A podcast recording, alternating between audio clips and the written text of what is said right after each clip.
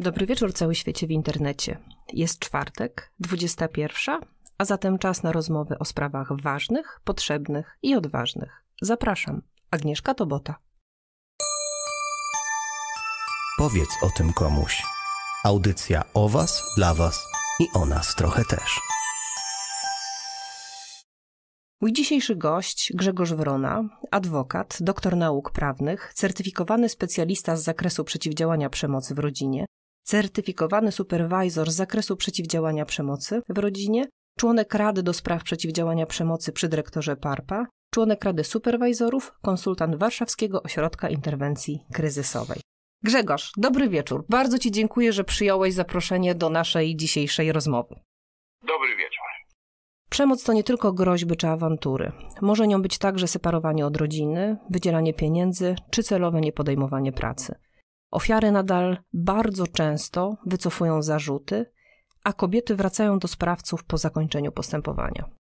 Na sali sądowej kobieta często musi udowadniać, że doświadcza przemocy. Mamy taki wizerunek rozhisteryzowanej kobiety i sprawcy, który jest opanowany, spokojny. Grzegorz, czy prawo chroni kobiety doświadczające przemocy? No, to jest zagadnienie bardzo ogólne, czy chroni pewnie będziemy mogli dzisiaj rozwinąć. Natomiast ten e, taki stereotyp osoba e, pokrzywdzona, jest zdenerwowana, jest w trudniejszej sytuacji z takiego psychologicznego punktu widzenia, sprawca jest spokojny i opanowany, on nie zawsze się tak naprawdę powiela. Trzeba sobie zdać sprawę z jednej podstawowej rzeczy. Nie można się dać sprowokować. Sprawca bardzo by chciał osiągnąć taki obraz, w związku z tym różnymi metodami próbuje wyprowadzić z równowagi E, osobę doznającą przemocy w rodzinie. Ja mam wrażenie, że jeżeli ktoś jest przygotowany, że może tak być, to znaczy jeżeli e, ktoś dostanie pomoc, czy to psychologiczną, czy to prawną, takie ostrzeżenie, tak? Posłuchaj, może tak być, że będą się chcieli sprowokować, mogą chcieć się wyprowadzić z równowagi, to wtedy jest łatwiej, tak? Łatwiej jest po prostu nie dać się sprawcy, no i wtedy może się okazać, że to sprawca straci panowanie nad sobą. No ale wiesz, tutaj kontynuując ten wątek, kilka klientek usłyszało na sali sądowej, no niech pani powie, co pani takiego robi, że ten mąż na panią się tak wścieka, tak się złości. Wiesz, i jak taka pani mnie pyta, no jak ja mam to skomentować? No Grzegorz, jak to skomentować? Czy można to skomentować? Znaczy pytanie, kto tak pyta, jeśli tego rodzaju pytania padają ze strony składu sędziowskiego, no to tego się nie da skomentować, tak? No to są niedopuszczalne sytuacje. Nawet jeśli przyjąć, że sędzia chce zobaczyć, jak ktoś zareaguje na tego rodzaju pytanie, no to to nie jest laboratorium i to nie jest ta osoba doznająca przemocy, to nie jest kluczek doświadczalny, żeby sobie robić takie eksperymenty. No, naturalnie sąd ma prawo pytać o wszystko, natomiast tak naprawdę to miałoby na celu zadanie takiego pytania poza upokorzeniem i doprowadzeniem do wspólnej optymizacji takiej osoby. Natomiast jeżeli tego rodzaju pytania padają ze strony innych uczestników rozprawy, no to absolutnie tak każdorazowo po prostu prosić sąd o to, żeby sąd nie dopuścił takiego pytania. Wiem, słyszałem o tym, że takie sytuacje się zdarzały, ale są to na szczęście absolutnie wyjątki. Ja też cieszę się, że to są wyjątki, dlatego czasem wiesz, jak przychodzi taka osoba i jeszcze takie perełki jak gdyby przedstawia, no to wiesz, ten przysłowiowy nóż w kieszeni się otwiera po prostu. Grzegorz, wiele kobiet żyje w związkach przemocowych bardzo, bardzo długo. E, jednym się wydaje, że robią to dla dobra dziecka, inne nie odchodzą od e, sprawców, bo są zależne finansowo. Inne jeszcze nie wiedzą, że doświadczają przemocy. Mało też, e, które kobiety zgłaszają sprawę do sądu. Jak można to zmienić? To jest proces psychologiczny.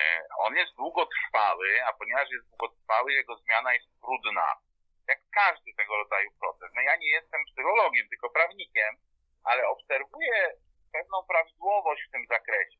My potrafimy się przystosować nawet do bardzo trudnych sytuacji, po prostu w nich trwać.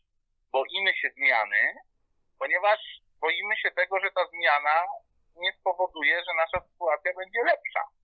Nie wierzymy też w to, że ta zmiana jest możliwa.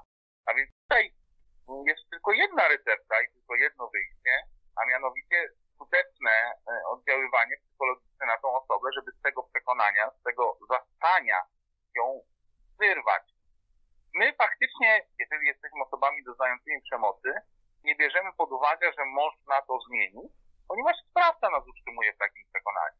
To w jego interesie i to przez jego działania wydaje nam się, że zmiana jest niemożliwa wręcz.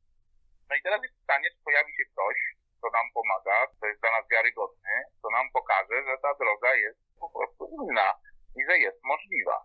Dla jednych osób musi się coś wydarzyć, żeby być tym wyzwalaczem zmiany, a niektórzy są w stanie drogą odpowiedniego fachowego oddziaływania do tej zmiany doprowadzić. Każdy człowiek jest inny.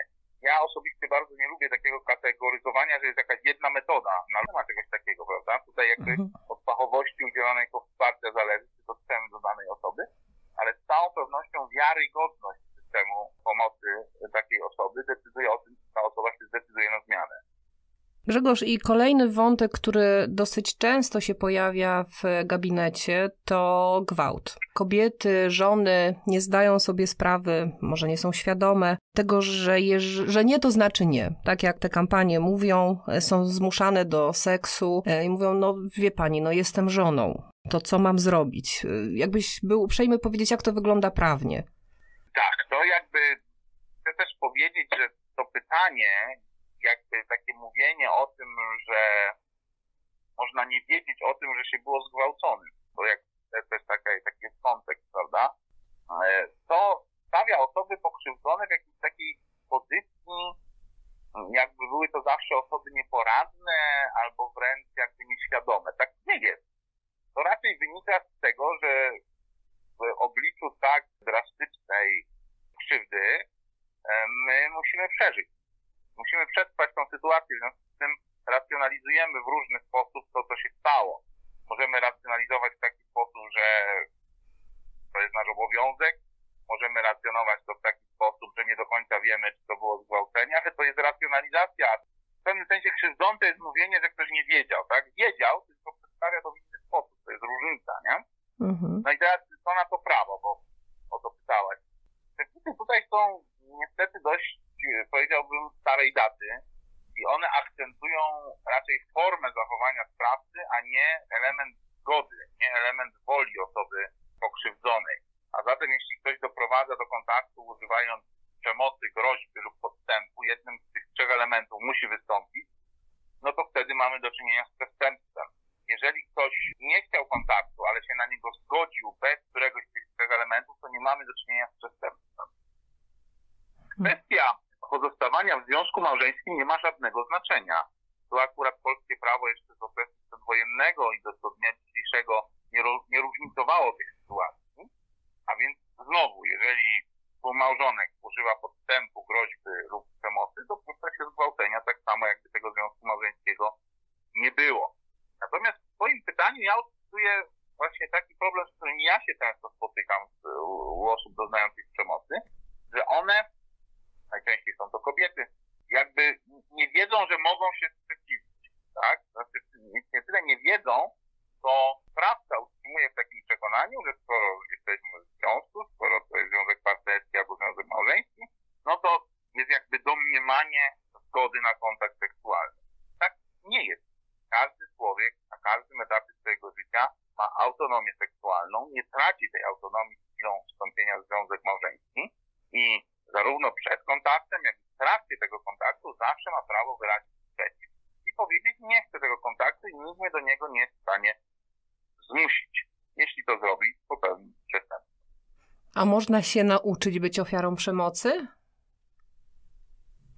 Znaczy? No to znaczy, wiesz, y, często od policjantów głównie słyszę, że wiesz, ta pani była u nas już tyle razy, nie wiem, sześć, siedem i tyleż samo razy wycofywała jak gdyby y, doniesienie o akcie przemocy ze strony swojego partnera.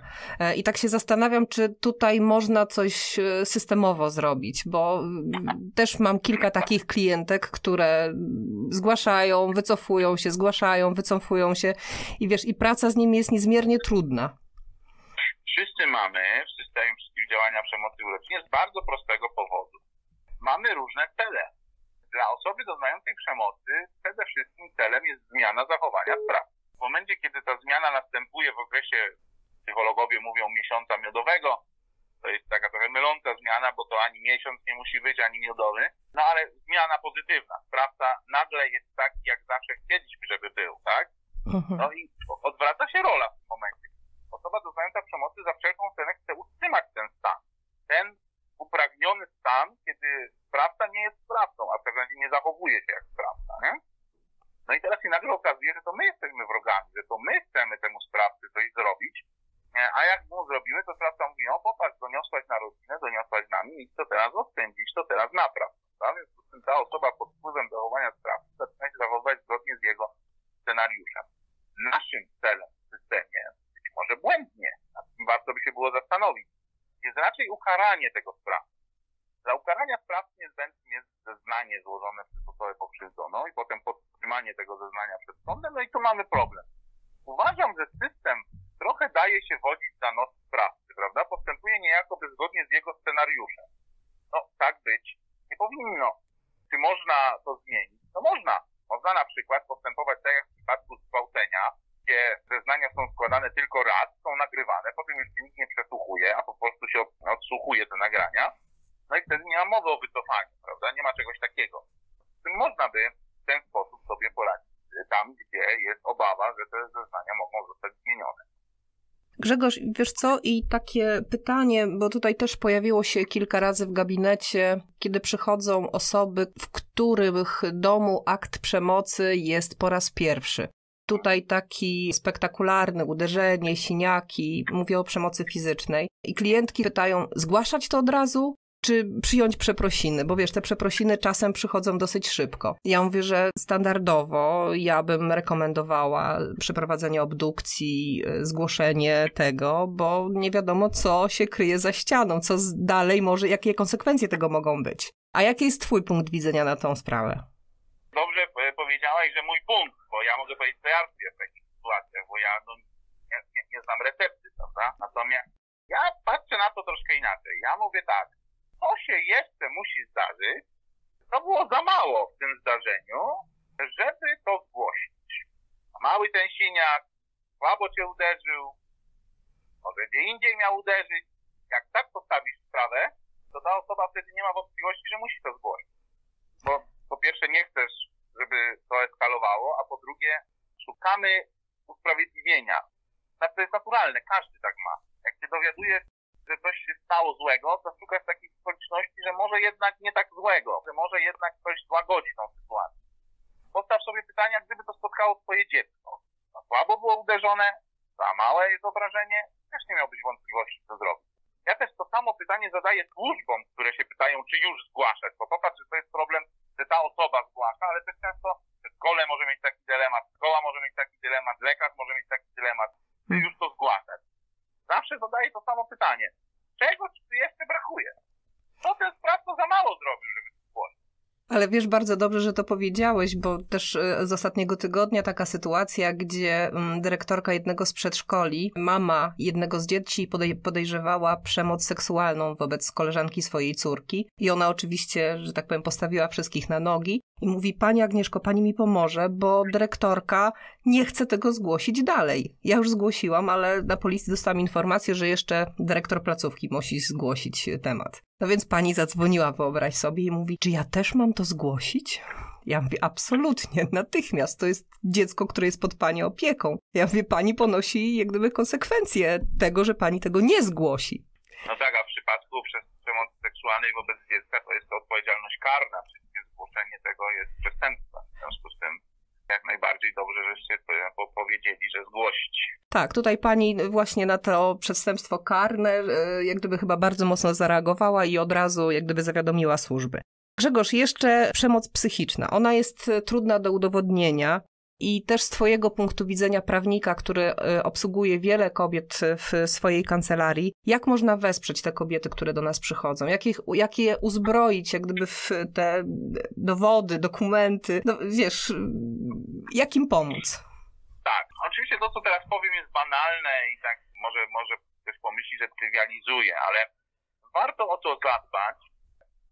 Pomoc prawna i zbieranie dowodów musi być połączone z pomocą psychologiczną. Ja sobie nie wyobrażam pracy z osobą doznającą przemocy, która nie jest pod opieką psychologiczną. Nie wystarczy zapytać, a czy pani chodzić do psychologa? A chodzę, chodzę. To, to, no, no nie, proszę Państwa, tak nie można. To znaczy, to wsparcie musi być bardzo konkretne. Nie poradzisz sobie podczas sprawy, nie poradzisz sobie z procesem zbierania dowodów, ale nie tylko zbierania dowodów, ale składania zeznań, składania świadków. To nie są tylko kwestie techniczne, na które można zwrócić uwagę, ale to jest w 90% emocji, które musi ci ktoś pomóc e, kontrolować. Prawnik tego nie będzie w stanie zrobić samodzielnie. Nie taka jest jego rola, prawda? Mhm. Oczywiście z takiego technicznego punktu widzenia, no to przemoc e, psychiczną udowadnia się w taki sam sposób, jak każdą inną. To jest mit, że przemoc psychiczną jest trudniej udowodnić niż inną przemoc. Tak samo, mm, oczywiście ona nie zostawia takich śladów jak przemoc fizyczna, prawda? Ale proszę pamiętać, że obdukcja lekarska to nie jest dowód na przemoc, to jest dowód na wystąpienie obrażeń. Przemoc psychiczna również zostawia obrażenia. To są obrażenia psychiczne. Po to musisz właśnie pozostawać pod pomocą psychologiczną, żeby ktoś był w stanie ocenić te skutki, jakie przemoc psychiczna na tobie pozostawia. No, nagrania, które teraz bardzo to e, eksponują. Oczywiście, jeśli jest to możliwe, należy nagrać sprawcę, natomiast też proszę pamiętać o tym, że to nie są nigdy kluczowe, fundamentalne dowody w sprawie o przemoc psychiczną. W ogóle moc dowodowa nagrań w sądzie jest stosunkowo niska, ale też nie każdy jest w stanie nagrać. Jest dużo ludzi, ja to na przykład doskonale rozumiem, która nie czuje się komfortowo nagrywając, która nie czuje się komfortowo w ogóle w takiej sytuacji, że musi to robić. Jesteśmy różnie wychowani w tym zakresie, ale też no jest to taka bariera właśnie. To, to, to też trzeba zrozumieć. Dlatego proszę pamiętać o tym, że nagrania to nie są elementy, bez których nie da się udowodnić przemocy.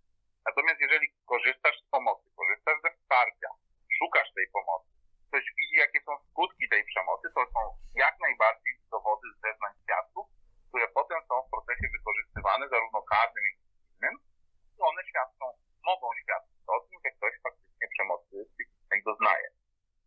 Grzegorz, i tak na koniec zapytałabym Cię jeszcze o niebieskie karty. Też y, dzięki temu, że było dużo akcji informacyjnych, już trochę są odczarowane. Ale jeszcze gdybyś właśnie z takiego swojego prawnego punktu widzenia powiedział, z czym się te niebieskie karty je?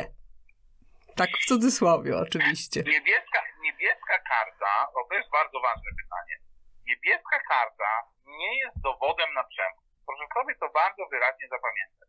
Niebieska karta może być dowodem na to, że ktoś zgłosił przemoc, że ktoś ją ujawnił. Ale nikt nie jest dowodem na przemoc. Nie zakłada się niebieskiej karty po to, żeby przemoc udowodnić. Niebieską kartę zakłada się po to, żeby objąć rodzinę odpowiednią pomocą psychologiczną, prawną, edukacyjną, wszelką, medyczną, jeśli jest to niezbędne, wszelką, która jest konieczna dla danej rodziny. Coraz częściej się mówi, pojawia się tak, to, to, to się e, przegryźć ten termin, ale zaczyna się mówić również o pomocy dla sprawcy przemocy. To brzmi to dziwnie, prawda? No tak. Jak to pomocy sprawcy? Nie pomocy, proszę Państwa, żeby mu pomóc w stosowaniu przemocy, tylko żeby mu pomóc w tym, żeby ją przestał stosować. Ale właśnie niebieska karta ma za zadanie być tym miękkim narzędziem, podkreślam miękkim, bo tam nie ma e, szafotu dla sprawcy, ani nagrody dla osoby doznającej przemocy, tylko to jest miękkie narzędzie, które pozwala objąć odpowiednią pomocę, pomocą od członków rodziny, próbować z tej sytuacji wyjść. Jeśli to jest niemożliwe, to oczywiście konieczne jest uruchomienie już tych twardszych procedur sądowych i policyjnych, e, ale jest to ta najbardziej uniwersalna i najbardziej miękka forma, która zresztą wszystko wskazuje na to, że będzie w tym roku ulegała modyfikacji, ponieważ Ministerstwo Rodziny i Polityki Społecznej przygotowuje dość dużą nowelizację w tym zakresie, więc zobaczymy, zobaczymy, w którym kierunku ta procedura będzie zmierzać. Grzegorz, a jeszcze tak na koniec, dziś już miał być koniec, ale jeszcze ta konwencja, słuchaj, stambulska, jakbyś y, był uprzejmy podzielić się swoim zdaniem. Wypowiemy ją, czy, czy nie wypowiemy? Ona jest potrzebna? Ja, myślę, ja, ja, ja, oczywiście tego nie wiem, jak dalece tutaj się zatracimy w, w politycznych e, szarżach, ale ja wierzę, że jej nie wypowiemy, ponieważ po pierwsze procedura wypowiedzenia jest skomplikowana, po drugie naprawdę by to nic nie dało, poza takimi populistycznymi politycznymi hasłami. I chyba ten proces powiedzenia no, został przez premiera zatrzymany. Proszę też pamiętać o tym, że, że konwencja stambulska jest standardem. Standardem, który każdy kraj e, Rady Europy, który ratyfikował tą konwencję, zdecydował się przestrzegać. Nieprawdą jest, że zawiera ona jakieś drugie, trzecie dno, które miałoby być wymierzone w tradycję czy w, e, w zwyczaj chyba że ta tradycja lub zwyczaj przewiduje stosowanie przemocy w rodzinie. Ja twierdzę, że w Polsce takich tradycji kultywowanych nie ma. W związku z tym tutaj obawa Polski o to, że ta konwencja w jakiś sposób zagraża naszej tradycji, no jak najgorzej by ona świadczyła. Nie zgodzę się z takim twierdzeniem, że w polskiej tradycji jest stosowanie przemocy w rodzinie, e, chyba że ktoś przez tradycję e, uważa społeczne zachowania, które się potępia i potępiało. Dlatego konwencja stambulska nie stanowi ani zagrożenia, a stanowi po prostu pisany standard postępowania i z tego punktu widzenia jest nam potrzebna, żebyśmy wiedzieli, jakie konkretne zmiany w polskim prawie e, muszą być nie tylko wprowadzane na takim e, poziomie e, materialnego prawa czy procesowego, ale stosowania prawa, jego skutku tego stosowania, prawda? W związku z tym jestem przekonany, że konwencja pozostanie w polskim porządku prawnym. Grzegorz, bardzo Ci serdecznie dziękuję za rozmowę. Państwa i moim gościem był adwokat Grzegorz Wrona. Bardzo serdecznie dziękuję. Powiedz o tym komuś. Audycja o Was, dla Was i o nas trochę też. Subskrybujcie kanał Fundacji Art na YouTubie i bądźcie z nami w każdy czwartek. Zapraszam na rozmowę z fantastycznymi gośćmi nietuzinkowymi osobowościami, ludźmi, którzy z pasją działają w bardzo różnych dziedzinach. Do usłyszenia, Agnieszka Tobota. Podcast Powiedz o tym komuś to projekt Fundacji Art, która od 2008 roku pomaga osobom w kryzysach doświadczającym przemocy. Udzielamy bezpłatnego wsparcia psychologów, pedagogów, terapeutów, prawników, coachów.